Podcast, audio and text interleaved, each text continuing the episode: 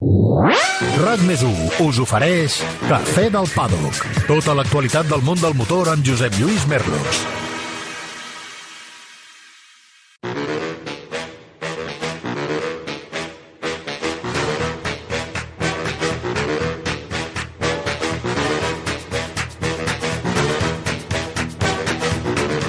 Hola, hola, hola, què tal, com esteu? Benvinguts una setmana més al Cafè del Paddock. Avui pràcticament no parlarem de motos, no parlarem de Fórmula 1, i és que aquesta és la setmana gran dels ral·lis. Que bé que ens ho hem passat aquest últim cap de setmana amb una nova edició del RAC Rally, del Catalunya Costa Daurada. Teníem moltíssimes ganes de ral·lis i la veritat és que l'espectacle ha estat impressionant. Una cursa divertidíssima, una cursa que ens portarà a parlar amb els nostres convidats d'avui d'aquesta especialitat del Mundial de Ral·lis i per això aquest programa pràcticament anirà dedicat de manera monogràfica a aquesta especialitat tan, tan i tan apassionant. Hi ha molta gent que diu al Merlos no li agraden els ral·lis. Algun dia us ensenyaré la llicència de quan feia de copilot d'un pilot una mica pijo, perquè deia jo és que sóc tan sofisticat que m'he buscat un copilot que sigui locutor. Ves per on? Quines coses. Clar que teníem només 18 anys. D'això ja fa molt. Avui al Cafè del Paddock amb aquesta alineació. Avui, al Cafè del Paddock amb... Jordi Barrabés, director esportiu del RAC. José Antonio Suárez, pilot de ral·lis.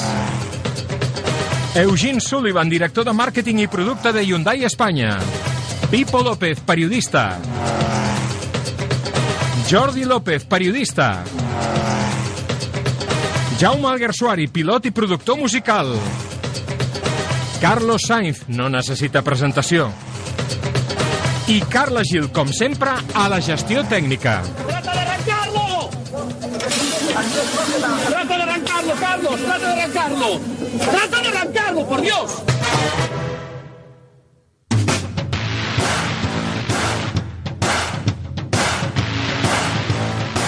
Gran èxit de públic i d'organització al Rally RAC, l'onzena cursa del Campionat Mundial, novament per les comarques tarragonines. Segona victòria consecutiva de Thierry Neuville al Rally Catalunya Costa Daurada, aquesta vegada tota sobre trams d'asfalt. Sebastián Ogier i Elfin Evans es jugaran el títol d'enguany al Rally de Monza d'aquí a un mes. Dani Sordo, tercer al Catalunya, signa el seu podi número 50 des que corre el Mundial i afirma que la pròxima serà la seva última temporada. I jo no m'ho crec. Nil Solans destaca en el seu debut de la categoria reina amb una excel·lent vuitena posició a la general.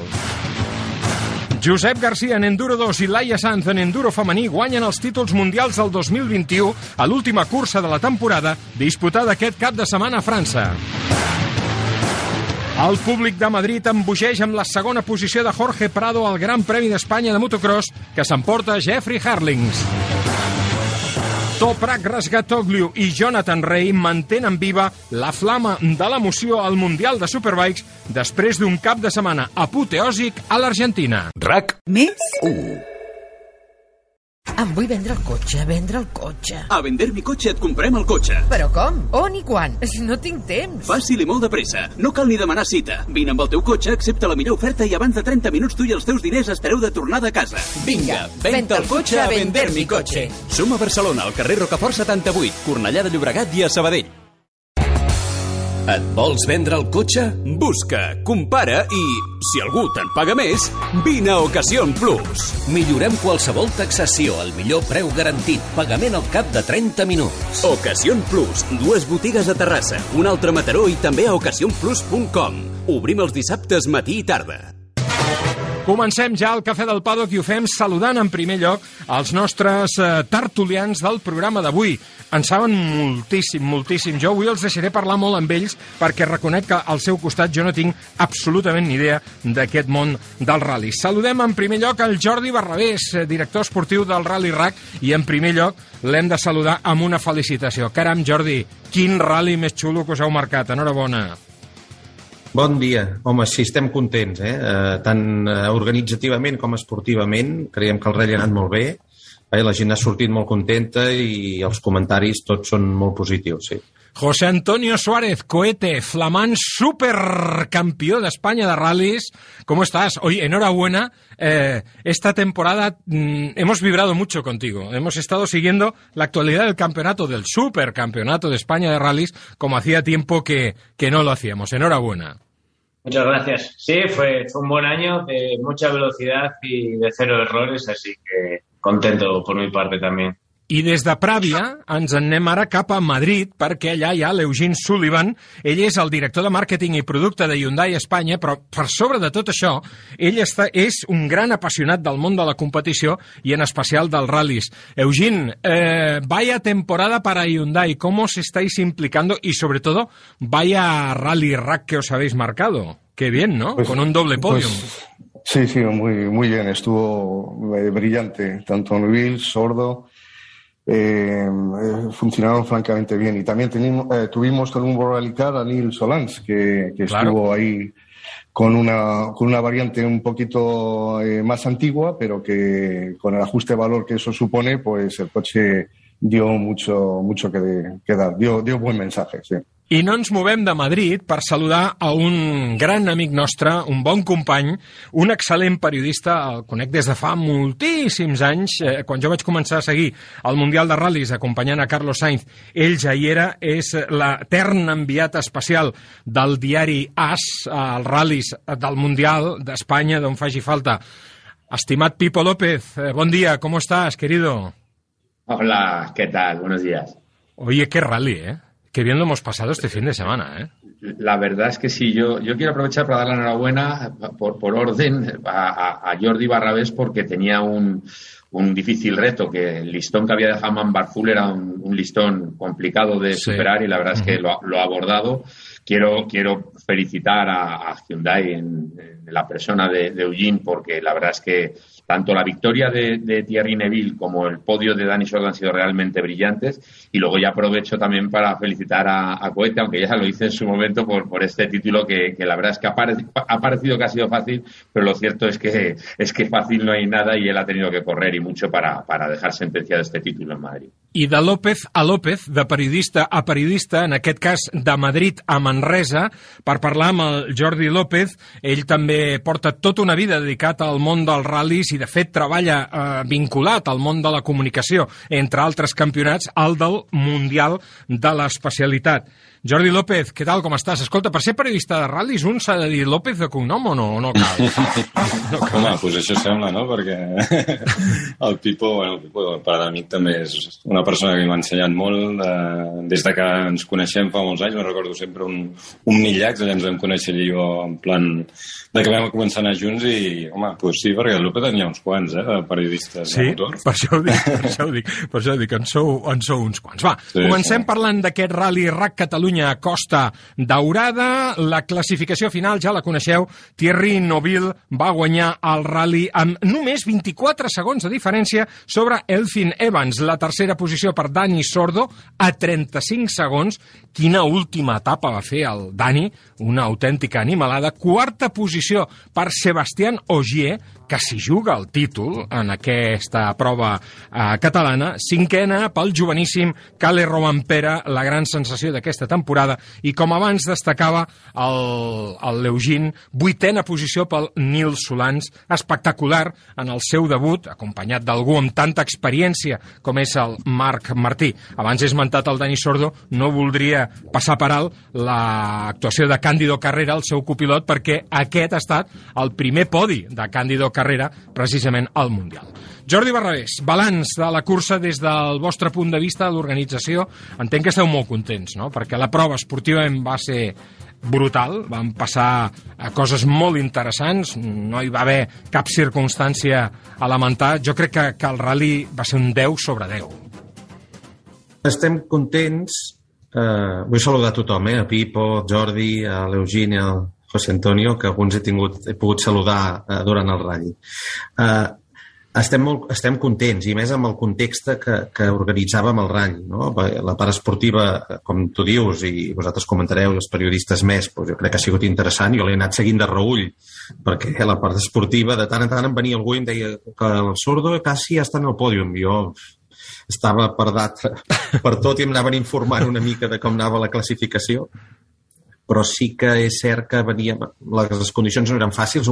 Organitzar una prova com un ratll del Campionat del Món necessites molt temps per plantejar l'itinerari, per, per posar-lo en escena i, amb, per exemple, la situació del Covid eh, fa tres mesos, eh, doncs, home, eh, patíem, no? La situació no era fàcil i estem molt contents perquè has de plasmar una cosa que a, a tres mesos vista la veus difícil i a sis ja no t'ho dic i que a mesura que va arribant el, el dia doncs es va aclarint i estem molt contents, sí. Com dèiem, segona victòria de la temporada per Novil, que va fer el millor temps a 8 dels 17 trams del rally. Els pilots de Hyundai van fer 14 dels 17 scratch en joc. Y esto, Eugene, que viendo, por ejemplo, el shakedown, eh, la cosa pintaba Toyota, eh, por lo que pudimos ver en el Coll de la Tacheta, en el, en el shakedown, eh, y con la selección de neumáticos, decíamos, uy, pues aquí Ogier va a intentar remachar, va a intentar ir a por todas desde el primer momento, pero ha sido un rally redondo, yo creo, para, para Hyundai. Un rally que desgraciadamente, por algunas cosas que pasaron a principio de temporada, pues no refleja vuestro potencial real cuando estáis mm. segundos en el Mundial de Marcas, ¿verdad? Sí, así es. Eh, eh, en el Power Stage ahí salimos con, con un, un setting y una especificaciones que, que, dado el clima que se veía venir con, con, la humedad y demás, pues a lo mejor no eran las más adecuadas, pero al final eh, lo, lo, hizo francamente bien, igual que solo. Y, y bueno, pues, pues eh, efectivamente eh, vamos eh, mejorando pero ahí estamos segundos i, i va, va costando, sí. Va a costar, va a costar. Pipo, eh, la clau de la victòria Novil va ser l'atac a la segona etapa d'aquest pilot, jo crec, y el único momento de tensión, los problemas que tuvo con el motor de arranque antes del último tramo de la carrera, que afortunadamente pudieron solucionar, pero ahí hubo un momento de pánico, ¿no? Porque la imagen de Martin Vidague eh, empujando el coche no era muy tranquilizador allí, ¿eh? Sí, la, la, verdad es que, es que el, el, susto fue mayúsculo porque solo quedaba un tramo, era el reagrupamiento anterior al último tramo, al Power Stage, y cuando vimos las imágenes del tubo de escape del coche del líder echando fuego hmm. y, y, que parecía que aquello no arrancaba, dije, ah, muchos dramas hemos, hemos visto en los rallies. Sí, vaya, vaya, vaya. Otro más, otro más, pero, pero por suerte se solucionó. Eh, Thierry además ha, ha elogiado a los comisarios porque se ve que, que actuaron muy rápidamente para, para, apagar esas llamas y eso evitó que el coche tuviera daños mayores y al final solucionó. Fue un problema con el motor de arranque. Y luego con lo que decías, eh, eh, yo creo que un poco la clave estuvo en, en la asistencia del mediodía de, del viernes. Ahí fue donde Neville cambió los reglajes de, del Hyundai y ya por la tarde ya se vio que, que, era otro Neville del que había sido por la mañana y, y ya a partir de ahí ya fue un paseo triunfal de los Hyundai que, como decías, han ganado 14 de los 17 tramos. O sea que el coche, el coche lleva demostrando todo el año que corre muchísimo. De hecho, ha habido muchísimos rallies que, que, que estaban dominando, pero que por una tontería u otra eh, se les han ido las manos. Quizás si no hubieran tenido esta mala suerte, ahora estaríamos viviendo otro desenlace del campeonato. Bueno, también es bonito que al final se vaya a decidir todo en, en, en Monza y, y el, sí. es bonito que los campeonatos se decidan. Claro, claro, claro. Eh, Cohete, como piloto, porque mira, yo, yo no me atrevo a hacer un juicio de valor. Eh, después del rally, yo he leído que que tal vez Evans podía haber atacado algo más. Bueno, yo, quedó a 24 segundos. Yo creo que Evans fue a todo lo que, lo que podía y más, porque se juega un título mundial cuando no estaba en, en, en, los, en la lista de candidatos al inicio de temporada. El fin claramente ha ido de menos a más, yo creo, este, este año. Y luego he leído también que, que Ogier que, hombre, un, un, palmarés relativa importante lo tiene, ¿no? Eh, que Ogier eh, pilotó en plan conservador, ¿sí? Eh, ¿Tú qué crees? Eh, yo, es que yo no me atrevo a pronunciarme no. sobre esto, pero, pero creo que tanto Elfin como Sebastián fueron al límite. No sé, ¿eh? No sé. ¿Tú qué piensas?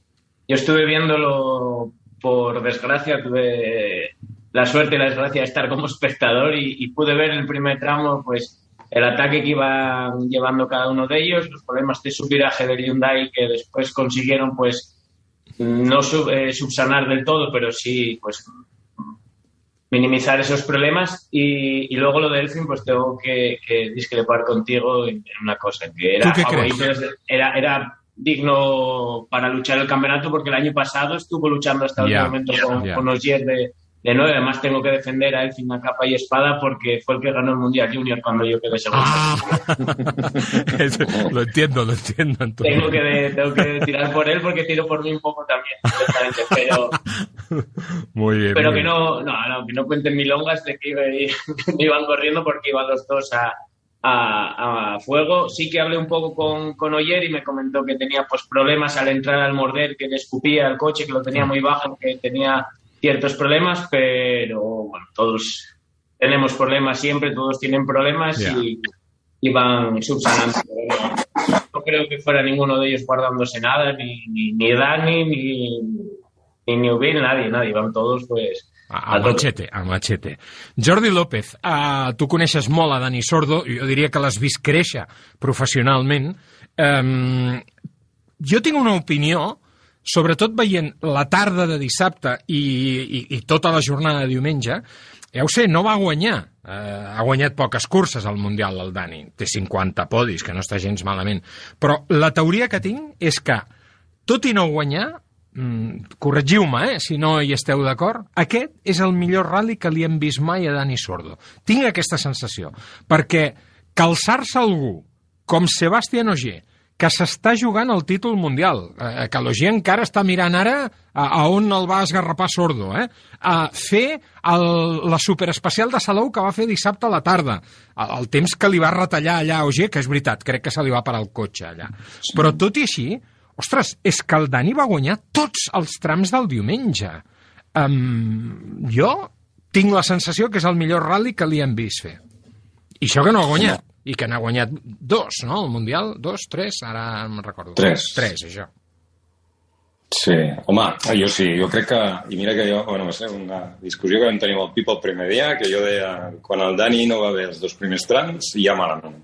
I una miqueta va ser la seva línia, no? No va començar gaire bé, i va perdre ja el primer dia, havia perdut bastants segons, però el nano es va refer i va fer un rally, un final brutal.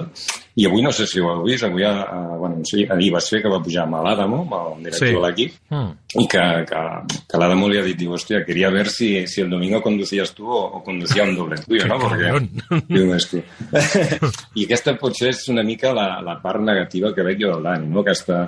Ell mateix tinc que explicar una cosa així, que, que és un pilot desconegut, no? Jo sempre dic que el Dani potser seria un pilot que podria haver guanyat 3-4 mundials segur, però la seva mentalitat li ha faltat sempre aquesta, aquesta part de poder, de poder millorar ell mateix, no? atacar i quan li deien tu darrere l'UEP i queda't aquí, espera, ell havia d'haver agafat i no, jo guanyo l'UEP i punto i ja tindrem, no sé, però el rally que va fer aquest cap de setmana per mi ha sigut molt bo i el diumenge va ser brutal. I el que va fer el Dani el diumenge és que és espectacular. Va... Sí que l'Ogier, jo també, jo vaig veure un pèl fluix a l'Ogier mm. durant tot el cap de setmana i jo crec que anava una mica nerviós. Uh, jo ho vaig notar molt el divendres a l'assistència i que ell, el, el seu objectiu era acabar aquest rally com fos, perquè l'Evans no tenia res a perdre i ell tenia molt a perdre. I un fallo d'ell, pues, el Mundial se'n anava, se'n anava a Norris i la temporada que es retira.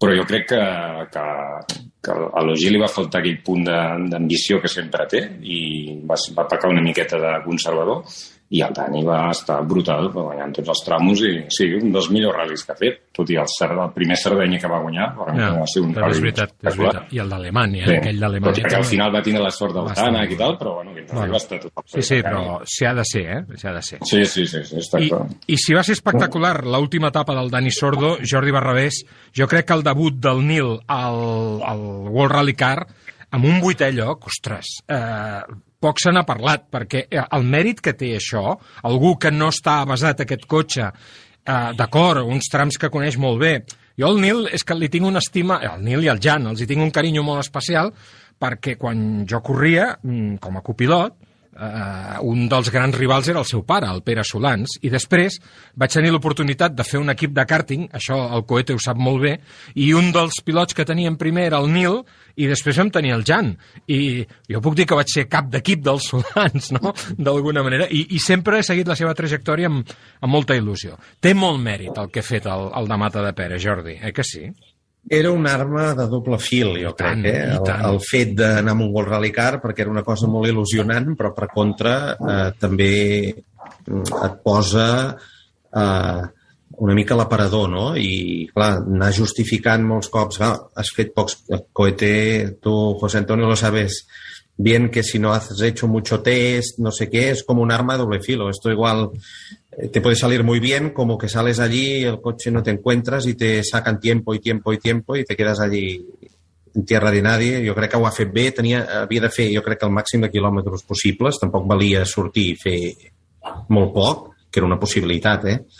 Uh, per tant, jo crec que ha complert, jo crec que ha complert amb les expectatives i més que bé. Eh, sí. Sí, no, no, quería comentar sobre... Mira, iba, iba a preguntarte a Nils. ti, Eugene. Sí, sí. Sobre, sobre Nils, que, que estuve hablando con él eh, para, para ver qué tal le iba con el World Rally Car y demás, y, y me dijo que lo estaba pasando en fenomenal, que se notaba mucho la diferencia con lo que llevaba, o sea, con los R5 y demás, evidentemente, Ya. y que era, era algo que, que, que estaba disfrutando muchísimo. Le, le costaba, pues eh, muchas veces me comentaba que cogía eh, los bordes de la carretera pues para ir marcando eh, la trazada y que el coche le iba, le, iba eh, eh, sobre, sobrevirando como un coche de Scalectric, me decía. Entonces, digo, bueno, pues nada, diviértete, pero lo importante es el mensaje, porque todos tenemos en cuenta, ¿sabes?, las diferencias que tiene tu coche con el de Solver, por ejemplo, porque el de Solver era un coche en laboratorio de los más actuales y el suyo era un, un 2019 que era, pues eso, pues que es un poquito más lento. Y lo hizo, lo hizo fenomenal. El mensaje que dio fue bastante bueno. Bueno, Hay y, que- y hay- nada más. So- Solo, so- sé que te tienes Sí, que ir, Eugene. sí, Solo sí. déjame que te diga una cosa. Es Bueno. felicitar a Hyundai. Y, y en esto yo creo que los López eh, me, me- me van a secundar por vuestra implicación en el mundo de los rallies, no solo a nivel mundial, sino también a nivel de España. Eh, porque, bueno, el, el- el hecho de que Neil haya podido participar en esta carrera eh, con este coche también tiene mucho que ver con vuestra implicación y vuestro compromiso con este deporte. Eh, el coche de Neil estaba apoyado por eh, el soporte de la Federación Española, por el equipo que ha hecho la Federación Española y que tiene esta proyección internacional, pero no sé, eh, Eugene. Por nosotros también. sí. Claro, muchísimas gracias. Muchi- Pipo, Bueno, eh, el apoyo quiero- de, de- de- Te tienes que ir, te tienes que ir, te dejamos, Eugene. Quiero, quiero felicitar a José Antonio, que no le he dicho nada todavía, eh, por el campeonato. Así que muchas gracias. Y a ti, a Jordi, eh, Barrabés, por el, por el buen resultado de- del rally. Con Amán teníamos el nivel alto, contigo ha sido muy bueno. Muchas gracias. eh. Eugene, te veo mañana en, en Madrid, precisamente, para la presentación es, del. Ionic 5. Un fuerte abrazo y enhorabuena por todo lo dicho. Vale, gracias. Eh, Hasta luego. Eh, Jordi, Pipo, la implicación de Hyundai, ojalá más marcas eh, se, se implicaran en los rallies como, como están haciendo Hyundai en España. Y esto es por este hombre, eh, en parte por, por Eugene. Lo que hace Eugene tiene un mérito muy grande. Indudablemente. De, de hecho, estuvimos cenando con ellos el, el viernes por la noche Hmm. y, y claro, ya, ya al final tuvimos que irnos del restaurante porque, porque eh, estábamos nosotros solos, pasaba el hombre como mirando a ver cuándo. Y era por un simple motivo, es que estábamos A cenando con dos apasionados de las Claro, carreras, que claro. eran Polo Satrústegui, su director general, y Eugene. que, eh, Mm. pero, pero yo creo que, que es un- algo que, que- que tienen, eh, es que nos estuvieron contando cuando corrían con un Hyundai Pony, que se iban a correr el campeonato de Andalucía. Entonces, claro, con gente así es, es más fácil al- a, la hora de, de- de- de- de- de- de conseguir apoyo y, y de verdad que lo hacen de corazón y no solo con lo que han hecho con Solans, en España con los apoyos a, a Iván Ares y, y a Suraya Pernía, el coche cero del Campeonato Claro. de España. Es decir, es una marca que está muy, muy involucrada y, y esto es de agradecer, pero yo creo que es un poco porque los que los que eh, Los que mandan- esa marca son, claro. son auténticos son auténticos aficionados al automovilismo. És que jo me'n recordo, Jordi López, per exemple, d'aquelles 24 hores Hyundai, eh, de moltes iniciatives de fa molts anys on estava al darrere precisament l'Eugene, eh, doncs que tenen, que, que, que tenen molta importància en l'evolució de l'automobilisme a Espanya. No, no, és que són que, el que ha dit el Pipo ara, no? Això de que ens van estar explicant la batalleta aquesta que anaven a córrer la, amb, amb Poni, que anava al Polo anava pilot i el, i l'Eugene anava de copilot mm. i a la segona carrera l'altre va dir no, jo me compro uno i corro contra tu. I va comprar i, i clar, llavors gent així que també és una mica el que transmet la marca al Mundial, eh? Mm. perquè si us fixeu, el, el, el Toyota ha estat un passet endavant tota la temporada Sí. i Hyundai, tot i que l'any que ve aquest cotxe ja no serveix de res, ha seguit evolucionant i arriba a l'última carrera amb un cotxe potser igual o millor que el Toyota. Uh O sigui que la filosofia de la marca ja és el que, el que dona, no? De, de, de màxim nivell i, i Espanya és que és brutal el que estan fent, és que és, és brutal pujar tots aquests nanos que està fent, Sí, a sí. l'Ares, amb tot... I a veure, a veure, perquè encara, bueno, el campionat de marques aquí a Espanya el guanyarà Hyundai. Encara, encara està a l'aire, però sí. Parlem de com està la classificació del Mundial Jordi, després... Jordi. Sí, a ver, Coete, dime, dime. El campeonato de marcas que pagan por puntuar. Bueno. bueno, pero vosotros solo sois un coche, no habéis ganado tampoco. Ja, això també és veritat.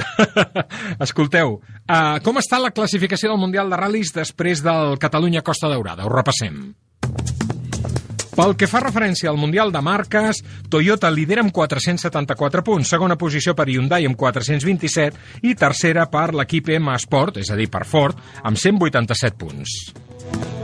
Pel que fa al Mundial de Pilots, Ogier té 204 punts, Elfin Evans en té 187. Només ells dos tenen opcions matemàtiques amb 11 de ser guanyadors del Mundial. Thierry Neuville és tercer amb 159 punts i Dani Sordo és vuitè amb 63. Al Supercampionat d'Espanya de Rally ja tenim campió, és un dels nostres convidats avui, el Coete Suárez, que acumula eh, després de l'última cursa disputada a Madrid 270 punts. Ivan Ares, en parlàvem d'ell, amb un Hyundai, és segon a 193 punts. El Jan Solans, germà del Nil, eh, és tercer amb 166 i Surayen Pernia és quart amb 133 punts. La pròxima cursa puntuable pel campionat, pel Supercampionat d'Espanya serà el Rally de Terra Ciutat de Pozo Blanco justament eh, aquest cap de setmana. Coete, ¿tú vas estar allí ya o no? Ahora que ya tienes el título ya no corres en Pozo Blanco, no lo sé. No, eh, tenemos ahí una doble lectura por, por, bueno, por haber ganado el campeonato.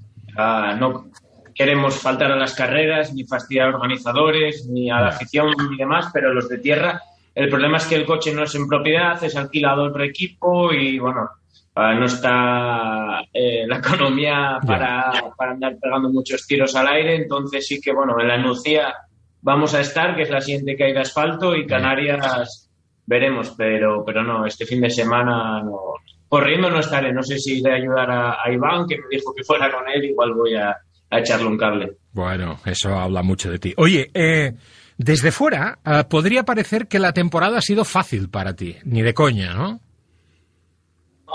Fácil no, lo que sí fue, eh, fue muy trabajada y, y puede llegar a parecer sencilla, pero hay un trabajo minucioso de muchas horas. Al final, desde que me levanto por la mañana hasta que me acuesto, solo pienso en mejorar y, y ser efectivo. Y, y excepto pues un par de, de problemas mecánicos que tuvimos durante el año, eh, el coche volvió a la asistencia pues con la misma forma que, la, que, que salimos, que es bastante importante llevar dos años de accidente y al ritmo que, que, se está yendo ahora en España, que es bastante, bastante importante.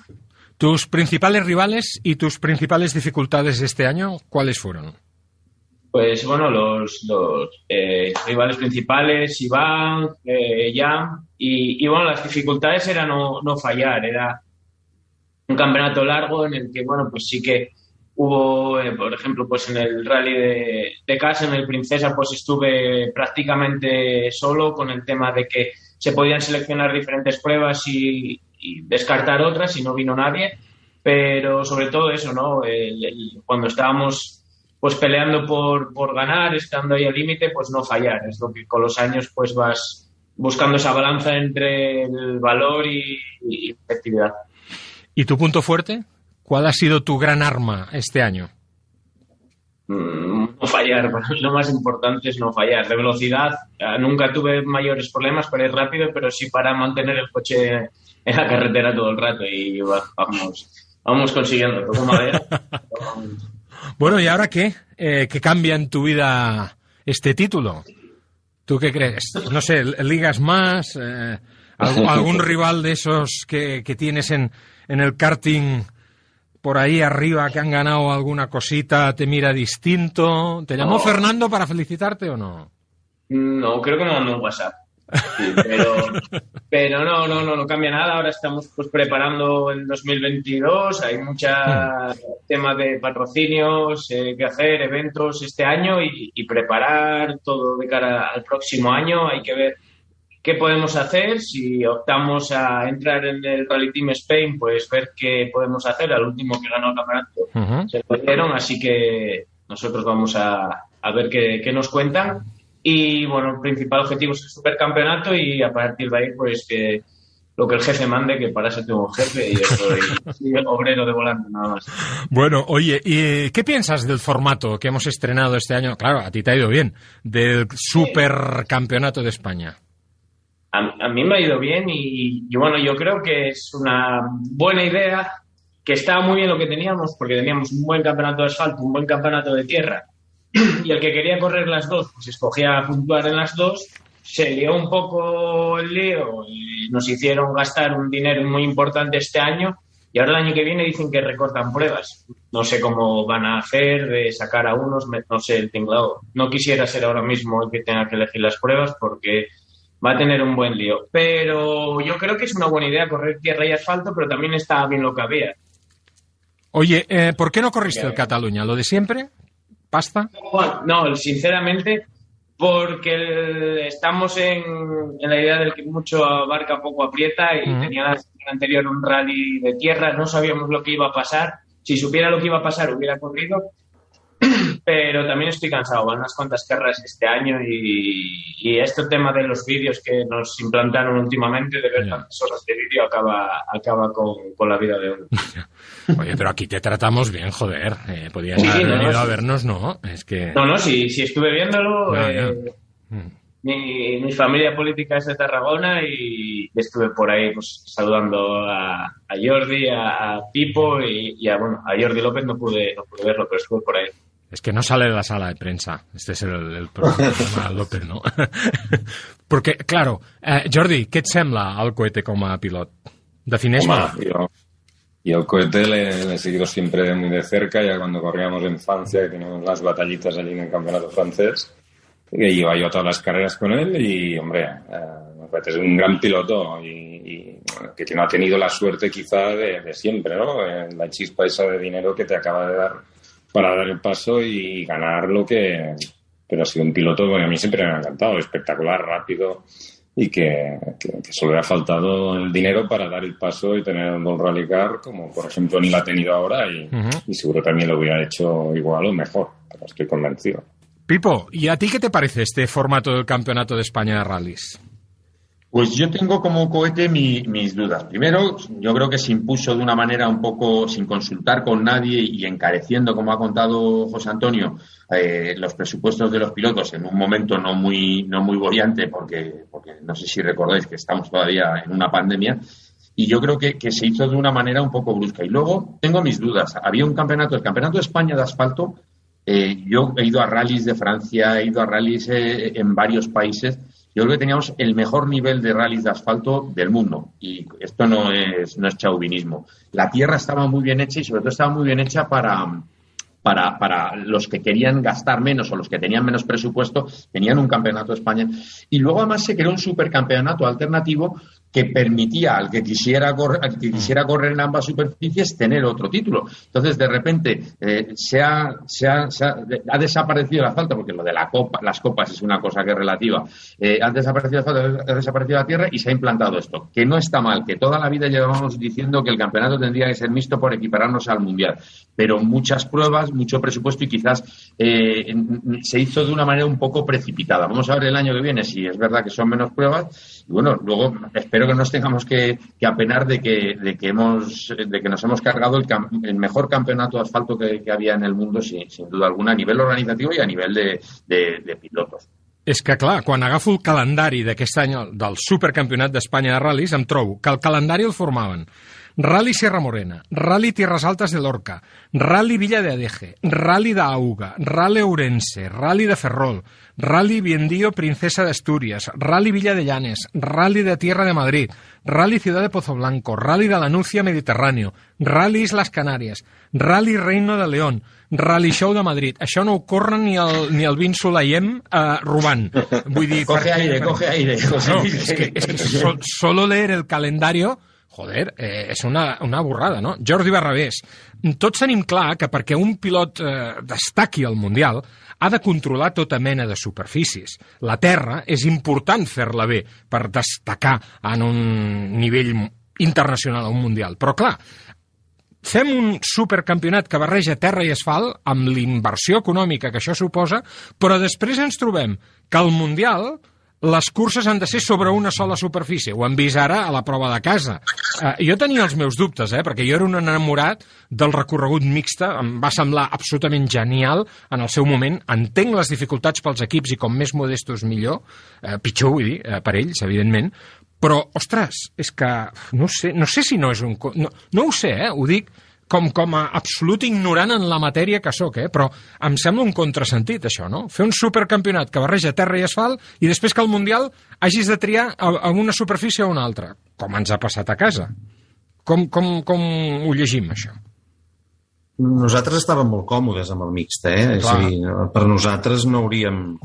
I, I més aquest any, amb la situació que dèiem de, pues, que, de, de dificultat d'organitzar eh, coses fora d'un pavelló, fora d'un recinte, a mi, personalment, jo pensava molts dies, hosti, em podríem haver deixat fer el mateix recorregut que el 2019 Ja. i hauríem pogut treballar molt més tranquils també pel tema de la pandèmia i tot per no Clar. haver de fer tants canvis, perquè nosaltres a sobre, a part de tots els canvis que hi ha hagut interns nostres a, a la pandèmia, hem hagut de fer un ratll no nou, però 70, 60% nou, no? Per tant, eh, estàvem, molt, estàvem còmodes.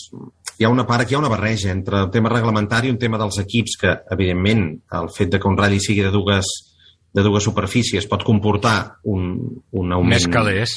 Un augment de cost, el que passa és que fins al moment n'hi havia un a l'any, igual que també n'hi ha un de neu i n'hi ha Ja. pots a Suècia o n'hi ha...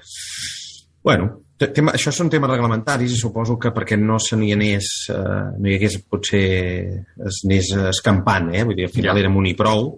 Bueno, ens hem d'adaptar, eh? No, tampoc ho podem canviar. No, està clar, està clar, no, no podem anar pas contracorrent. No. Uh, pronósticos para Monza, Cohete. ¿Cómo ves la carrera de Monza? El año pasado yo no creía nada en esa carrera, eh, decía esto va a ser un rally sprint. Y luego fue muy interesante el rally de Monza con la nieve, allí hubo de todo ¿eh? en eh, la carrera del año pasado. Bueno, al menos a mí me gustó, no sé si coincidís conmigo o no en esto. Ah, me gustaría volver un momento a la pregunta anterior que le hacías Sí, a sí, sí, sí. Simplemente, en España es un campeonato de España Hmm. y había la opción de asfalto, tierra o que un propio piloto escogiese las dos. No es un campeonato de preparación para jóvenes pilotos para el Mundial de Rally. Ya, ya. Por lo que aquí nosotros hay pilotos que tenemos nuestro rancho en la península ibérica y nuestros patrocinios y nuestras cosas. Y está bien que haya y ayuden y fomenten a los chavales y, y que de la inscripción nuestra se vaya un porcentaje. fa- Fabuloso todo. Que no lo había cuando yo era pequeño, era joven, con 19, 20 había que ir al banco pedir un crédito para correr. No había todas estas cosas y me parece muy bien. Pero ah, hay que dejar un poco opción a que escoja cada uno lo suyo, porque nosotros teníamos una cosa muy bien montada que ahora se volvió que yo sinceramente no tengo problemas, eh, grandes problemas presupuestarios, pero sí hay gente que, que no puede permitirse tener los dos kits, porque no es solamente cambiar unos muelles y poner unos Claro. más largos y más Ya. sino que el coche, lo que se destruye, la depreciación de un coche cuando lo metes en tierra, o sea, el problema es muy grande. Ya. Entonces, Ahora, a raíz de esto que dice Cohete, por ejemplo, nosotros este año que teníamos la copa, la beca de la Federación Española o la Peugeot Ibérica o la Suzuki, Sí. siempre en los últimos años que ha puntuado, ha puntuado un día para no hacer una mezcla de, de- de superficies para ellos. Es decir, cuando era tierra, lo consideraban un rally de tierra y corrían el viernes. Claro. Para no provocar que tengas que llevar todo el material para pasar el coche de, de tierra asfalto a equipos que, hombre, mm, esto le supone un, un incremento de presupuesto grande. Me acuerdo, por ejemplo, del San Remo en un formato antiguo, cuando había la Copa, la Copa 500 Abarth, me acuerdo que el primer día, por ejemplo, era un día menos destructivo. Había tierra, pero los tramos de tierra del primer día no eran tan rotos como los que te podías encontrar y entonces los del campeonato local de, esa Copa de Promoción corrían solo esta primera de cuatro etapas en su momento, ¿eh? porque eran, eran rallies algo, algo más largos precisamente. Pronóstico para, para Monza, cohete, eh, lo que te pedía. Evans o Ye, ahora me dirás Evans, claro, para... No, yo quiero que, gane, quiero que gane su último año hmm. y que tenga una, no jubilación porque va a seguir corriendo seguro, pero bueno, que vuelva para casa tranquilo. A él sí le quedan muchísimos años por ganar y estoy seguro de que lo hará. Eh, por, por, por, también un poco por eh, cierta amistad y, y por empatía y por solidaridad, pues oye, su último año completo en World Rally Car, que, lo gane ayer y, y, luego pues ya que el fin que gane mucho. Pipo, tu pronóstico. Hombre, eh, hay que tener en cuenta que ayer terminando el rally es campeón. Entonces, con esta, con esta matemática eh, eh, tiene toda tiene toda la pinta de que, de que así de que así va a ser. Lo que pasa es que, como decíamos, en los rallies eh, yo he estado en, en, Gales hace ya unos cuantos años, en el año 98, y estábamos preparados para, abrir el champán y a 500 metros aquellos ¿Qué me estás contando? Eh, claro, claro. Entonces, ¿quién es el favorito? Indudablemente Oyer. Ah, entre otras cosas porque es un piloto que normalmente no falla. Pero si se reproducen las condiciones del año pasado de Monza, por ejemplo, que, tuvimos barro en, los tramos que había por allí por el circuito, nieve en los tramos que, había en carretera, pues, pues podría, podría darse la sorpresa. Este año además eh, va a haber mayor mayor porcentaje de tramos de carretera, va a ser 50-50, con lo cual pues va a ser más un rally más tradicional y con menos tramos tipo Mickey Mouse. Y bueno, veremos. Y con respecto a las marcas, pues todavía lo tiene más fácil Toyota, porque eh, tienen 47 puntos de ventaja y el máximo de puntos que puede conseguir una marca son 52 en un rally pero no o sea lo mismo.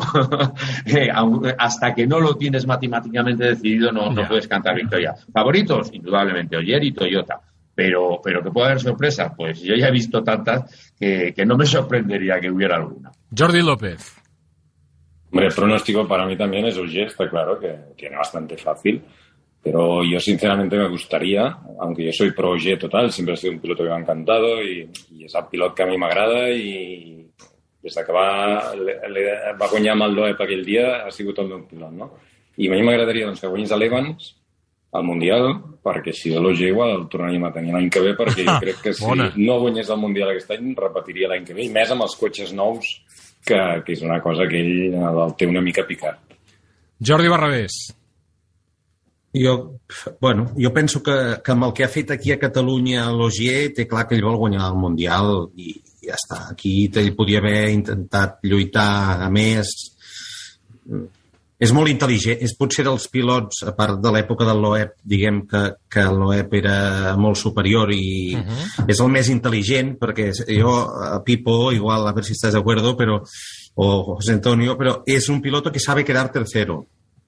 Y esto que es no muy es fácil importante. No es esto fácil. es muy importante, saber el día que tienes que quedar tercero porque no tienes el día, porque los reglajes no van y, y no, no, el día que no sale no va a buscar una victoria que él ya ve que no, igual no la tendrá y aquel día se queda allí. Pues aquí ha hecho un poco esto y jugarte, es que si falla, si llega a fallar aquí, llegar a Monza a jugártela una carta, Uf. yo creo que tal como es el rally y ahora él aquí ha perdido algún punto de margen, pero lo que decía Pipo, si allí no falla, que no suele fallar, uh -huh. pues le vale. Que, que, el punto honor igual te haría ganar los rallies, y, pero él tiene esta inteligencia que allí quedará cuarto quizá i saldrà campió. Ja.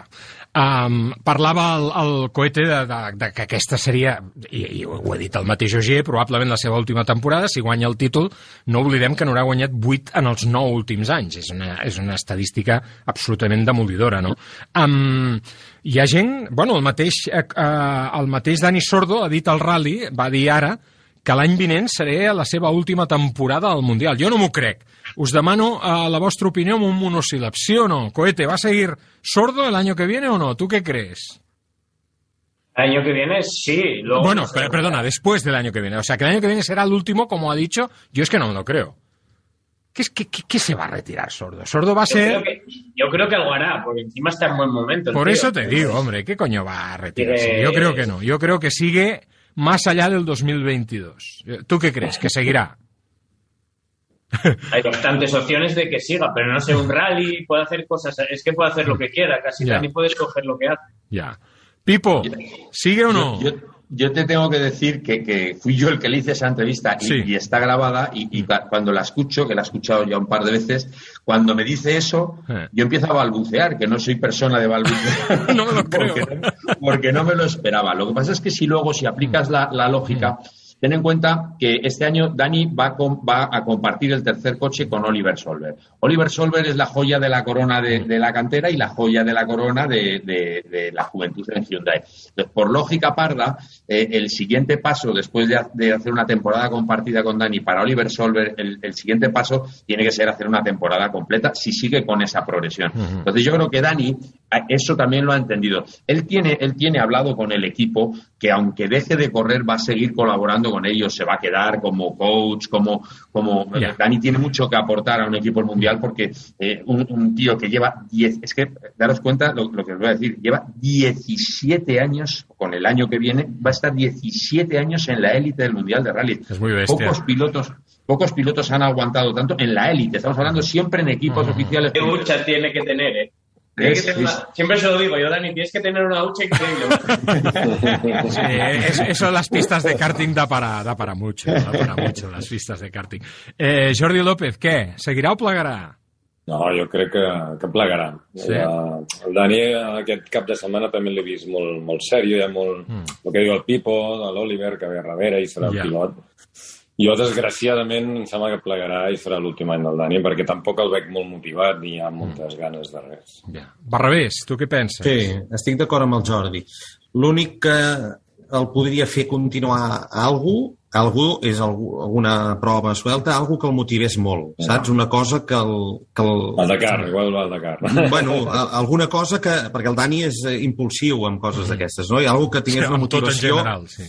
Sí, una motivació de dir, ostres, plego, però és que aquí hi ha això que no... Però si no, estic d'acord que crec que ho té bastant madurat, eh? Jo crec que sí. Molt bé, escolteu, ara tenia un reguitzell de preguntes sobre el calendari del 2022, el futur elèctric de l'especialitat, els referents de les altres competicions elèctriques, però hem, hem superat amb escreix el temps que, que havíem previst per aquest col·loqui. I jo crec que, que el tema és tan xulo i m'ho he passat tan bé escoltant-vos i he après tantes coses que el que us proposo és, abans del Monte Carlo, abans que comenci la pròxima temporada, farem un col·loqui centrat en això, amb el nou Mundial de Ral·lis, amb l'arribada de, de l'electrificació al campionat mundial. I si us sembla bé, eh, ens trobem en una pròxima ocasió al Cafè del Paddock per parlar d'aquests temes que ens han quedat pendents. Jordi Barrabés, repeteixo, enhorabona per l'èxit del, del RAC Rally, que contents que estem, que hagi anat bé i, i, i- i que ens haguem divertit tant. Ha estat una temporada magnífica i tant que sí. Eh, Coete, en, Gracias. enhorabuena por, por, por este título y que vengan muchos Gracias. más, que van a venir seguro que sí, ojalá que sean internacionales. Gracias por acompañarnos, amigo. I, I els dos col·legues, el Pipo i el Jordi, gràcies una vegada més, una forta abraçada. Pipo, tenemos una salidita de pedal pendiente, ¿eh? De pedal Cuando de bicicleta, de pedal de bicicleta. Cuando tú quieras. Y, y del otro también, cuando tú quieras. Bueno, es que yo del otro no tengo seguro, tú no sé. Entonces, claro, yo no sé, tendré. Me iré a los Habrá del que RAC. sacarse uno. Habrá que sacarse el seguro. Me iré a hablar con los del RAC, que son especialistas, entre muchas otras cosas, con, con seguros. Seguro que sí.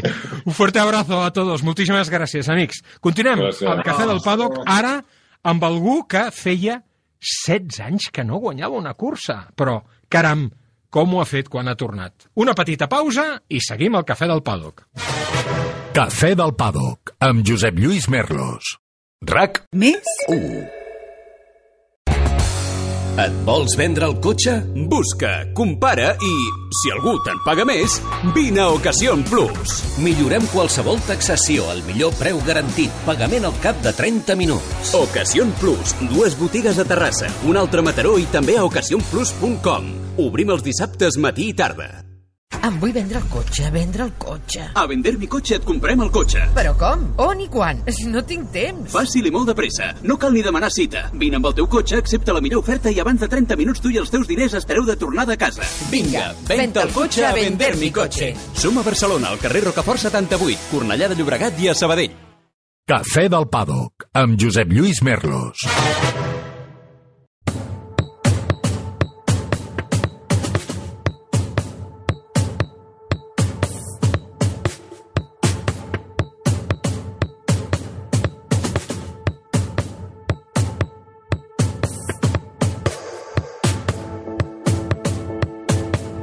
Hem parlat de ral·lis fins ara i ara parlarem de la base, de la base de tot, no solament dels ral·lis. Parlava abans que jo havia conegut el José Antonio Suárez, el coete, justament en aquest món, en el món del karting. Jaume Gersuari, que va començar l'automobilisme també en el món del karting, ha decidit, aquest any, ja en vam parlar aquí al Cafè del Paddock, tornar justament a l'automobilisme i fer-ho a través del karting. Podríem dir que el karting ha estat la seva salvació?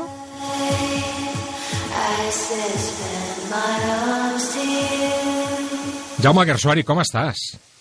Hola, què tal? Molt bé. Salvation, és això que estem escoltant. Explica'ns què és. Doncs Salvation és el primer senzill que forma part d'un àlbum que publico ara al novembre, que em fa molta il·lusió, sobretot perquè és el meu primer àlbum com, com a artista de, de música i tenia molt, moltes ganes de poder pues, publicar l'àlbum perquè l'àlbum d'alguna manera significa doncs, un treball personal, una història completa i un storytelling de 10 cançons que no les pot representar un EP o un senzill o, o un disc, no? Ja. I Salvation, d'alguna manera, és com la introducció de- d'aquest àlbum que sortirà ara en dues setmanes i que, d'alguna manera, és el que he estat fent durant tota la pandèmia. Com es dirà l'àlbum? Es diu Salvation, precisament, o no? No. Salvation dona títol, no? L'àlbum es diu Stop. Stop. I es diu, i es diu Stop senzillament perquè el món, el, el, el març, abril del 2020, va entrar amb un stop, amb una parada. I vaig pensar, vaig considerar que aquesta parada doncs, eh, hi podíem aprendre-hi tots, no? En el meu cas, doncs, eh, vaig tindre tot el temps per poder estar a l'estudi, aquí on estic, a fer música, i, i d'aquí doncs, treure un missatge molt positiu. No? En aquest cas, doncs, escriure música personal i amb més cor i sobretot amb més temps per, per poder-la publicar i, i, i fer un àlbum, que normalment és el, és el que passa, no? que no tens temps i que sempre doncs, Ja. el món té una velocitat i una, i una necessitat de, de produir, de fer coses que, que no la tenim i, i per això li vaig, de, li vaig donar stop. No? Quina diferència hi ha entre aquest Stop i aquell Organic Life, no? Es deia? El teu primer Sí. disc, eh, el teu, el teu primer treball públic com a productor musical, no? Organic Life era un, un senzill normal i corrent i era un tema singular i individual, és a dir, va, va sortir com un individual i, i Stop és un treball molt més complet, no? Vull dir, al final són gèneres bastant diferents, crec que la música és també bastant més madura del que va haver- va haver-hi fa 11 o 12 anys, ja, Ja. no me'n recordo. 12 anys I- han passat. Sí, 2009 a 2021. Que bèstia, que bèstia. Sí, sí. I per això, bueno, Stop per mi és com, no sé, una, una obra que tenia moltes ganes de que sortís, i de que mai hagués pensat que, que podia haver fet, no sé, música diferent o sortir de la pista de ball, perquè al final no és música electrònica que fa ballar, sinó que és música que la pots escoltar al cotxe o la pots Mhm. posar a una banda sonora d'una pel·lícula o té moltes finalitats i, i, i, pot, pot ser utilitzada per, per moltes finalitats. No? Tu de Stop n'has fet diversos al llarg de la vida. És important saber parar? Sí, jo crec que sí, no? És, és sup- superimportant. Jo crec que al final vi- vivim en un món que no parem de... No, no para. I a vegades fer una pausa és, és molt interessant, és molt important per entendre d'on venim i cap a on anem, no? I fer-nos l'eterna pregunta de qui som. I, I jo crec que la pandèmia va ajudar a molta gent a fer-se aquesta pregunta, no? És a dir, uau, ara tot això ha parat de cop i volta quan ningú s'ho esperava i ens podem fer moltes preguntes, no? I crec que d'aquí molta gent n'hi ha après. Per això volia que quedés clar que fent un àlbum per mi era com un abans i un després de la meva vida i, i, i sobretot doncs, presentar l'àlbum d'aquesta manera, no? amb un stop. Com hem comentat alguna vegada, saps que en els últims anys m'han interessat molt els temes vinculats amb la meditació. I justament aquest matí, quan feia la meva habitual sessió de meditació, eh, saps en quina paraula ha començat el meu mestre de meditació la sessió? Para. La primera Para. paraula era para, para, párate. Tómate un tiempo para ti. El que tu deies, no? Per, per, Sí. per conèixer-nos a nosaltres mateixos, no? Per això m'agrada molt tot això que expliques ara, perquè, clar, és que ho connecto amb... No he d'anar gens lluny, he d'anar dues hores enrere, quan feia aquesta sessió, i la primera paraula que he escoltat avui era aquesta, para't, para't. Sí, la sensació que tenim avui dia amb la societat amb la que vivim, amb el món digital sobretot, Merlos, és que tot va a una velocitat i, i que ja no hi ha cicles, Uh -huh.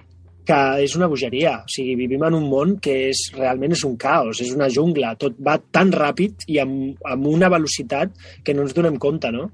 I sembla que, ten, que tinguem que ser com a espècies de robots en la que tinguem, tenim que ser perfectes en tot i complir amb totes les expectatives, Mhm. no? I a vegades perdem la nostra essència eh, dins d'aquest caos i, i crec que per això és tan important, a tu t'ajuda molt la meditació, a mi m'ajuda, per exemple, molt fer esport, eh, també tenir els meus moments íntims i personals de, de parada no? i de pensar i d'entendre doncs, que necessitem aquest espai per nosaltres personals. No? Tot això és superimportant i cada vegada ho serà més perquè est estem en un món de tantíssima informació i de tantíssima tantíssim contingut que és que saturem. Clar, No? clar. I, i la nostra memòria RAM té una capacitat i, no, Sí. i, i això és un embut i, i per tant del broc gran ha de passar al broc petit i això només passa aturant i dosificant les coses i sobretot la gent que ens hem mogut que ens movem encara en el món de la velocitat fixa't tu, eh, necessitem fer aquestes parades per poder continuar Ara em deies això, 11-12 anys d'Organic Life. T'ho juro que hagués dit que n'havien passat 5 com a molt. I abans parlava amb el Coete, i tu te'n recordaràs d'ell, perquè eh, poc, però veu coincidir amb el càrting, el José Antonio Suárez, ell és un palet més jove que tu, el Coete Suárez. Eh, ostres, jo me'n recordo d'ell que era com tu, un nen del món del càrting, i fixa't ja, tot un supercampió d'Espanya de ral·lis, o en el teu cas un pilot de, de, de Fórmula 1. I ara, amb aquesta parada, has pogut tornar a l'origen, a les essències. Ja en vam parlar d'això. Dèiem que el càrting és l'origen de tot. He de reconèixer que la teva victòria a Azuera mm, de fa pocs dies m'ha deixat amb la boca oberta, perquè ni de conya m'hagués cregut que podies tornar a guanyar. Saps que t'ho vaig dir? T'estàs Sí, sí. ficant a la gola del llop. Jo, ara seria molt fàcil dir, home, clar, és que és un pilot de Fórmula 1, jo ja ho veia venir. No, no, no, no, no. Jo vaig dir, al Jaume li arrencaran el cap, li passaran per sobre. I no és que no cregui en tu com a pilot, però és que precisament perquè conec el món del kàrting, sé la importància de la dedicació que tu, evidentment, no tens com tenen els nanos de, de, de, de l'edat amb els que t'has trobat ara amb aquest eh, campionat. Carai, tio, em trec el barret. Bueno, moltes gràcies. La veritat és que per mi ha sigut una meditació. Està, està, està sent una meditació, sobretot perquè retrobar-me amb alguna cosa que m'ho va donar tot Uh -huh. eh, significa molt, no? I el fet, sobretot, de que jo no estava bé. I m'he donat compte ara, no? Jo no estava bé.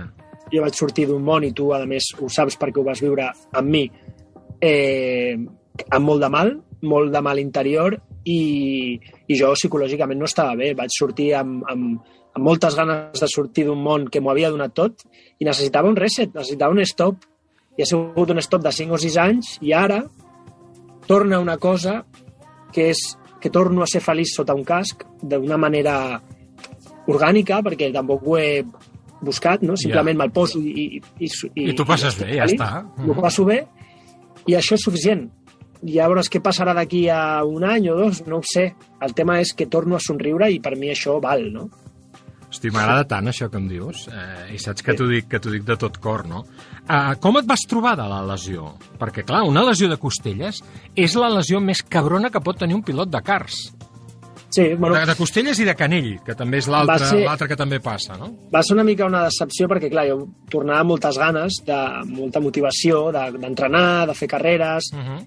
I, i, de, i, de, i de ser competitiu i clar, la lesió doncs, eh, va tallar tots, tots els tipus de plans no? i el fet de fracturar-me una costella, bueno, dues costelles Mhm. al juny, doncs òbviament va parar, va paralitzar tot el, totes les expectatives i totes les curses que teníem en, en ment.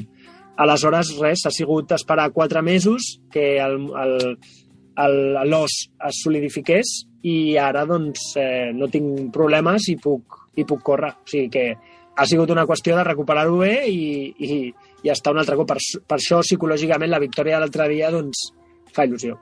Quina sensació vas tenir quan passes primer per sota la bandera a quadres? Feia 16 anys, sí, sí. 16, des del 2005 que no feies primer en una cursa. Molt bèstia, això, eh? Sí. Bueno, primer en una cursa de karting. De karting, de karting, perquè després va... sí, sí, No, està clar, està feia clar. moltíssima, moltíssims anys que no guanyava. Uh -huh. I, i clar, va ser que ja no me'n recordava, no? Encara, òbviament, que, que hagués sigut una carrera de campionat d'Espanya, però bueno, fa il·lusió igual, no? Al final guanyar és guanyar i, Clar, clar. i, sent, i se sent bé, no? M'imagino, jo que no he guanyat mai res, eh, però, però, ostres, m'imagino que els que estàu acostumats a guanyar, hosti, sí. reproduir aquesta sensació, eh, una mena de salvation, no?, també? Salvation anímic, no? Guanyar sí, aquesta sí, sí, cursa, sí, sí o no? absolutament, absolutament. O sigui, com, com ja et dic, no? al final, per mi, tot és una espècie de desconnexió Uh -huh. i el fet de que psicològicament t'ajudi a tirar endavant per mi és en val, no? és suficient i el karting ara mateix ho està sent o sigui, ho estic disfrutant, disfrutant en plenitud amb un altre punt de vista amb un altre ang- angle de la competició, guanyo, està bé no guanyo, m'ho passo bé i no m'ho havia vist mai així o sigui que, Escolta, i ara què? Això porta alguna cosa més o no? O no? per què no? Per què no? O sigui, el tema és que jo estic en una situació molt diferent de la de fa 6, 6 o 7 anys Mm. i, i es, em sento molt millor a nivell psicològic sense tindre-li que rendir comptes a ningú i ho faig perquè personalment em va bé. Aleshores, si ara em truquessin d'un equip de una marca perquè els interessa veure'm i fer-me un entrenament, m'agafaria el casco i em pujaria, per suposat. Uau. Però ho, ho veuria així de fàcil, no? És a dir, anem a divertir-nos, no? Anem a, anem a fer un viatge, anem a, anem a sentir un altre cop una aventura diferent Uh -huh. i d'un altre, amb un altre punt de vista. Per això no, no em tanco a res Uh -huh. i no em vull fer cap tipus de- d'expectativa, no? Ni aquí ni a la música. I crec que això m'ho ha, ha ensenyat d'alguna manera la carrera que he viscut, no? Al final les expectatives eh, es poden jugar molt en contra i vull anar al dia de moment estic al karting, m'ho passo bé, és el que feia quan vaig començar i vull, vull que continuï així. Uh, el llenguatge és savi i és mestre. Hi ha una paraula que defineix exactament aquesta situació que tu acabes de descriure ara. Uh, utilitzaré el castellà. Pretensión. Quan tenim, cuando tenemos pretensiones, ¿qué tenemos? Lo que hay antes de la tensión. I justament tu el que no vols és això, tenir tensions. Per tant, no tens aquestes pretensions perquè a, en l'experiència, en viure el moment, en viure el present, hi ha la teva finalitat, no? Mm, exacte. O sigui, al final, jo sempre jo he tingut la sort de, de, de córrer a, a l'elit i de saber què és l'elit, no? Amb un esport molt diferent a, a esports d'un altre tipus, però he viscut una experiència eh, única no? i molt exclusiva. No? He tingut la sort de tenir una sponsorització com, com Red Bull, que em va ajudar fins a arribar a la Fórmula 1 i desenvolupar-me a la Fórmula 1. Però la pregunta és, he corregut per mi o he corregut per ells? He corregut per algú? M'he posat una gorra i explicant-li al món el qui jo era o el qui jo tenia que representar. I clar, em dono compte que de tot això he après molt, no? de tot el que jo he, he format i he representat, he tret una conclusió. I ara les coses són distintes, són diferents, no? I per això ara, com que, no sé, corro per mi i ho gaudeixo en plenitud amb un altre punt de vista. I ara, justament que estàs en aquest estat de plenitud, en aquest estat de consciència, de llum absoluta, t'imagines el que ara mateix que tu i jo estem tenint aquesta conversa tan relaxada, deu d'estar passant pel cap de Lewis Hamilton i de Max Verstappen, ara que ara deuen d'estar dormint per la diferència horària, però aviat es posaran a treballar ja per aquest Gran Premi eh, de les Amèriques al circuit d'Austin.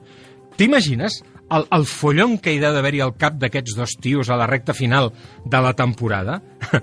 Eh, Ells deuen d'estar en un estat que deu de ser les antípodes d'on estàs tu en aquest moment, justament, no? Bueno, clar, jugant un, un Mundial, un Mundial molt renyit per, per part dels dos, i suposo que sí, clar, deuen tenir eh, moltes incerteses i dubtes i del que passarà, no? Però al final no crec que sigui molt diferent del que han viscut abans. Els dos han guanyat campionats. La diferència és que és ara la Fórmula 1 i no a una altra categoria, però crec que estan molt acostumats a aquest tipus de sensacions, no? Com, com jo l'estava en un moment o com Ja. altres pilots també l'han estat i han passat per aquí, no? Apareix el geni de la llàntia i t'ofereix una possibilitat. Et canviaries per algun d'ells, ara? No. No, perquè crec que la vida és molt personal, no? I és intransferible. Vull dir, les experiències no es poden passar. He viscut en tots aquests anys moments increïbles, he, anat, he viscut amb, amb, amb comunitats, he anat a festivals, he conegut a gent nova, i tot això no canviaria per popularitat, fama, diners. Si al final, què, què t'emportes d'aquí? T'emportes no t'emportes diners, no t'emportes popularitat, t'emportes les, les aventures, les experiències, no? Els fets que han sigut personals e intransferibles. I tot això no vull perdre, per això no, no em canviaria per ningú i, i, i per suposat tampoc buscaria una màquina del temps per posar-me Ja. en el, a la tessitura del, de, del Jaume pilot de Fórmula 1. Ja. És acceptar i rendir-te al que has viscut, el que tens i, i el que sobretot ha de vindre, no? És a dir, eh, prefereixes més ser que tenir. Sí, que no falti. Que no falti de res. No, està clar, està clar. Però per suposat que, que, que, que, que el, el ser i estar present compta molt més. O sigui, al final, torno a repetir, les millors experiències i les teves també, Merlo, si la- ho saps, són aquelles que no t'oblidaràs mai, no? I les que la, la, les guardes amb, amb un amor especial intern i això és impagable. I tant És impagable. Veuràs les últimes curses d'aquest Mundial de Fórmula 1? Tens algun pronòstic, tu? Què penses? Veuré... La, és que jo les curses no les miro, miro els highlights. Ahà. Les curses són molt llargues. Uh -huh. Però, però la- els highlights sí que els miro i miro també la, la, el dissabte i tal. Eh, I el pronòstic és molt difícil de dir. O sigui, Ja. tenim un pilot que és un fora de sèrie, el Verstappen, i tenim un cotxe que també, per les raons que sigui, el sap fer ell només funcionar. Uh -huh. Eh, I després tenim un set vegades, no? Crec que és campió Sí. del món. Uh -huh. Eh, per això que crec que al final estarà tot molt just i serà una qüestió de, de qui no falla o qui no queda entre els tres primers, perquè si no guanya un, l'altre queda segon o tercer, Uh. I una gestió de milimètrica dels últims punts del campionat. Doncs mira, me n'alegro que això sigui així, tant de bo sigui així com tu Sí. el vires, perquè això és el que justament el farà interessant i el que ens motiva a continuar enganxats a aquest esport. Jaume, moltíssimes gràcies per aquest regal, perquè el teu temps és un regal. Sempre, sempre és xulo parlar amb tu i sempre aprenem coses. Gràcies, igualment, I, Merlos. i, i m'agrada molt aquest uh, Salvation, tot i que ja saps que jo sóc més de rotllo, rotllo rock dur, més que electrònic, sí. que és el que fas tu, però m'agrada, m'agrada, m'agrada aquest Me.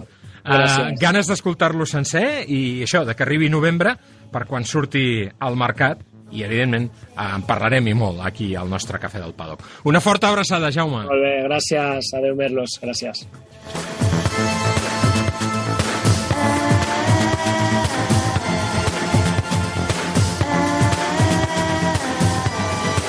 Cafè del Paddock, amb Josep Lluís Merlos.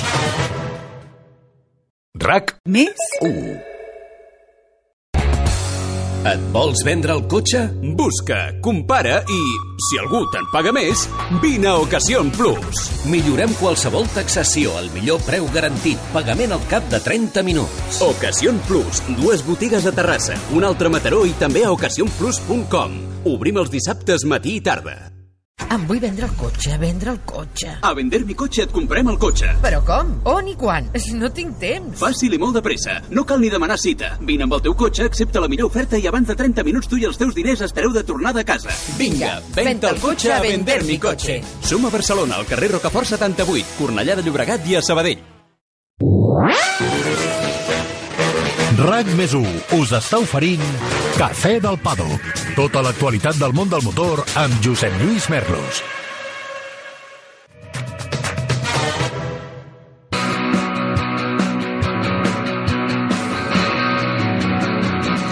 La setmana passada en aquest mateix programa teníem l'oportunitat de parlar amb la Laia Sanz, que ens explicava els seus plans per la pròxima edició del Rally Dakar. Com us vam dir, al Dakar del 2022 la Laia no hi anirà en moto. Si ho farà amb un vehicle de quatre rodes, encara no ens han explicat quin. I atenció, perquè qui serà segur amb l'objectiu d'allargar, d'estendre encara més el seu impressionant palmarès, no únicament en aquesta cursa, sinó en el món dels ral·lis en general, és ni més ni menys que el dues vegades campió del món, el nostre admiradíssim Carlos Sainz. Carlos, buena tarde, buenas tardes, ¿cómo estás? Hola, buenas tardes.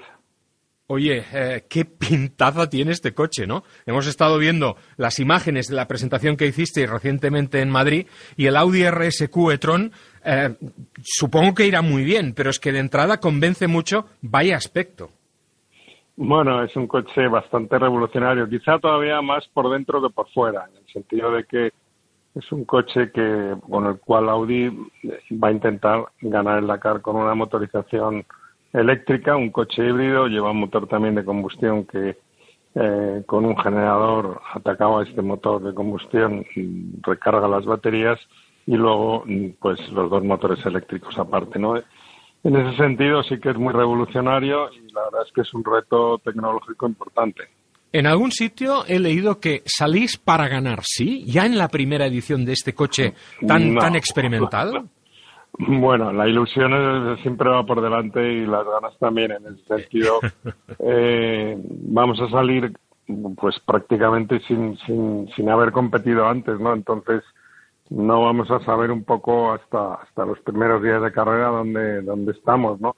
Pero la ilusión siempre es intentar, Claro. intentar ganar, ¿no? Salir a ganar. Seguro que sí. Oye, Carlos, ¿por qué no habéis hecho el rally de Marruecos? De hecho, ha habido bastantes de los equipos punteros que han sido baja este año en el rally de Marruecos, cuando tradicionalmente esta es una prueba que, bueno, mm, siempre se ha definido como el gran ensayo general antes del Dakar, ¿no? Sí, es muy sencillo. Tanto el equipo ProDrive, que también va a construir el N1 Plus, que es el nuevo, este tipo de, de coches nuevos, esta nueva categoría que, que en la que estamos también nosotros incluidos, como Toyota, como nosotros, pues vamos un poco con el, con el tiempo muy, muy justito y al final se ha decidido seguir haciendo test, seguir haciendo pruebas y, y- y no participar. Yo me imagino que el resto pues les pasará algo parecido. Han preferido hacer pruebas a, a participar en el rally, ya que pues para participar en un rally tienes que estar plenamente preparado. Claro. Ah, queda, queda justificadísimo entonces. He empezado el programa hablando de la decisión de Laia. ¿Qué te parece?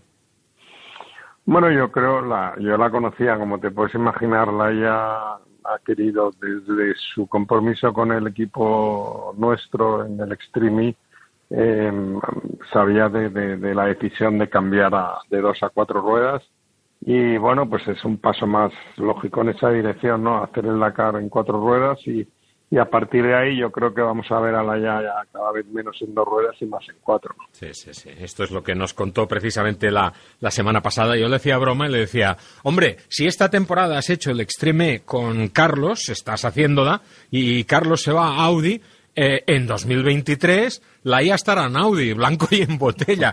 Y se reía y me decía, ojalá, ojalá. Digo, bueno, vamos a intentar convencer a Carlos para que te eche, para que te eche una mano. De momento tenéis un Dream Team de campanillas, contigo, con Ekstrom y con Stefan Peter Ansel, para que los rivales se echen a temblar, vaya.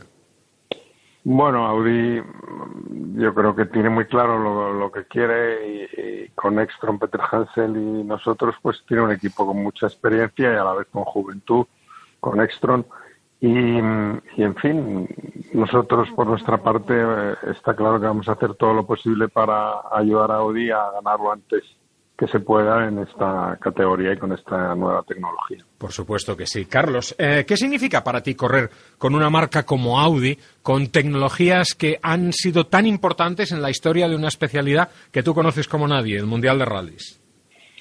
Bueno, pues Audi es una marca muy especial eh, en el mundo de los rallies, sobre todo, ¿no? Por aquel famoso Audi 4 y por, por lo que supuso en el Campeonato del Mundo la llegada de las cuatro ruedas motrices. En ese sentido, Audi es, ha sido, es, y estoy seguro que será una pionera en el mundo de la competición y, lo demuestra una vez más siendo tan valiente y participando con esta nueva tecnología en, en el Dakar. Y nada, pues yo encantado, por supuesto, de colaborar con ellos, de tratar de, de, con mi experiencia, pues aportar mi granito de arena y, y el tiempo dirá a ver qué, qué tal qué tal va saliendo. Como este primer año siempre es difícil en todas las marcas, un primer año siempre es difícil, pero bueno, pues ya veremos a ver. Oye, ¿cómo se cargan las baterías de este coche? ¿Qué autonomía tiene? ¿Cómo funciona esto? Bueno, el motor de explosión es un motor de, de explosión de, ah, de un coche de, de- DTM mm, con gasolina. Este motor lleva atacado un generador que el motor de explosión hace girar. Este generador recarga las baterías y a partir de ahí de las baterías que se van, se van recargando, pues sale, sale a los dos motores eléctricos, uno al tren delantero y otro al tren trasero.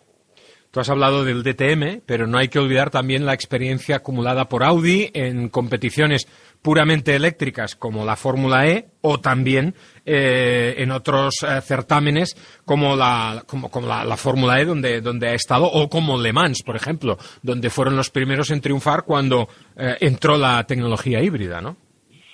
Sí, por eso digo que Audi siempre está en la vanguardia de- del mundo de la competición, en la vanguardia, ¿no? Y lo demuestra una vez más aquí.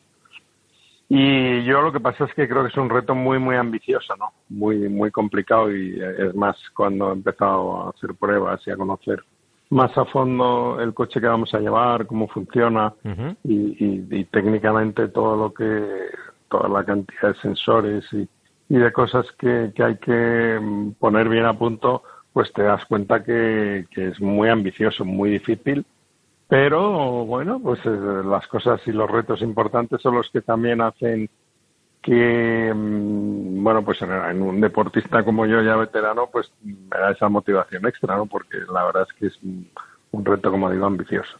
Eh, Carlos, de nuevo con Lucas, como no podía ser de otra forma. Sí, sí, con Lucas seguimos y, y bueno, pues ya son tres Dakares juntos ganados, eh, otros con menos fortuna, pero bueno, con- seguiremos trabajando para hacerlo lo mejor posible. Cuando leo que llevas 15, eh, es que me asusto casi. Yo también, porque si a eso le sumamos todo lo que hubo antes en el Campeonato del Mundo de Rally, pues son, son muchos años. Por eso te digo. Detrás, de un volante. Sí, eh, pero es que ya no sé si me asusto más por ti o por mí, que te he ido siguiendo también durante todo, todo este tiempo, como sabes, con, con muchísimo, con muchísimo interés. Oye, eh, la Extreme, ¿qué te aporta eh, esta temporada que estás haciendo con un coche totalmente eléctrico de cara al Dakar, con este coche que será muy distinto, evidentemente? Bueno, realmente es muy diferente, ¿no?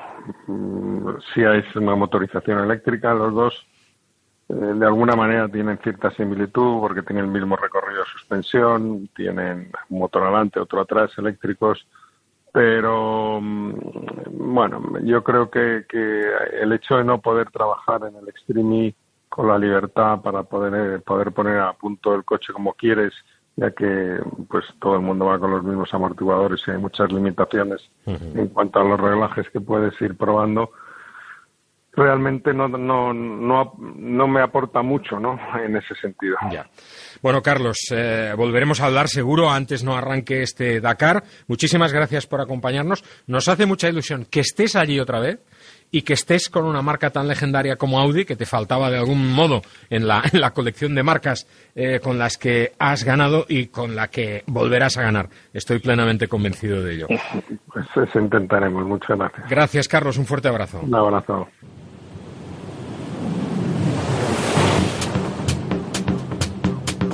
I a la recta final d'aquest cafè del paddock número 30 parlem de les altres curses del cap de setmana. Mundial d'Enduro a França.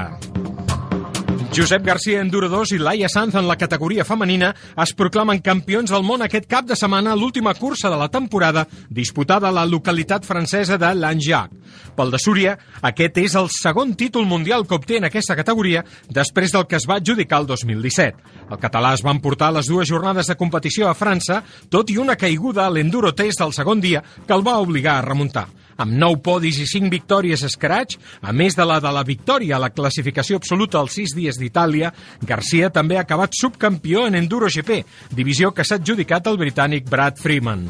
Per la seva banda, Jaume Batriu ha repetit el subcampionat mundial a Enduro 3, que ja ho va obtenir l'any passat. Aquesta temporada, però, l'actuació encara ha estat millor perquè ha quedat entre els dos primers en totes les curses d'enguany tret d'una.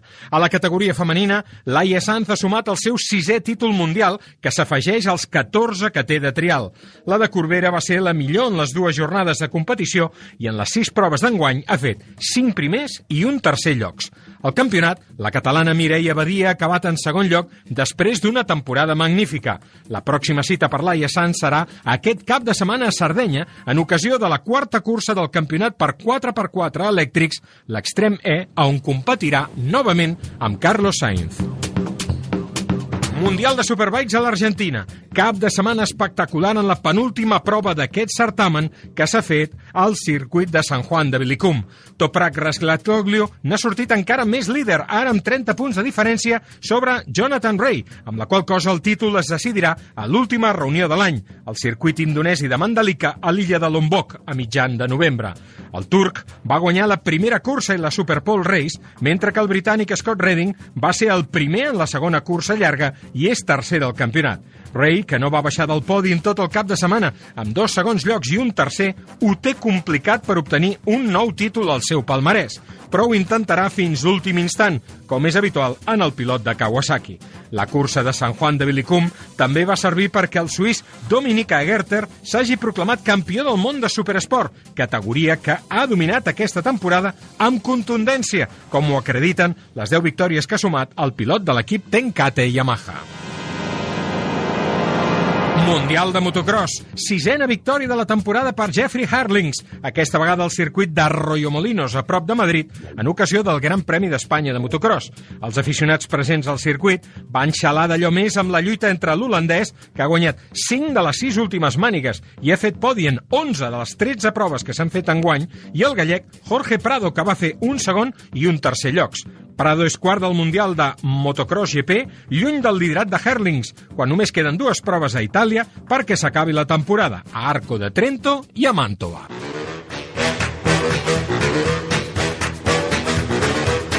Punt final, aquest cafè del paddock número 30. Tornem la setmana vinent per parlar amb el Joan Villa del Prat, la Maria Serrat i el Quim Salvador dels dos grans premis que ens esperen aquest diumenge. El Gran Premi de les Amèriques de Fórmula 1 al circuit d'Austin i el Gran Premi de l'Emília Romanya de MotoGP al circuit de Misano. Fins la setmana vinent, doncs, gràcies per acompanyar-nos. Adéu-siau! RAC més us ha ofert Cafè del Pàdoc. Tota l'actualitat del món del motor amb Josep Lluís Merlos.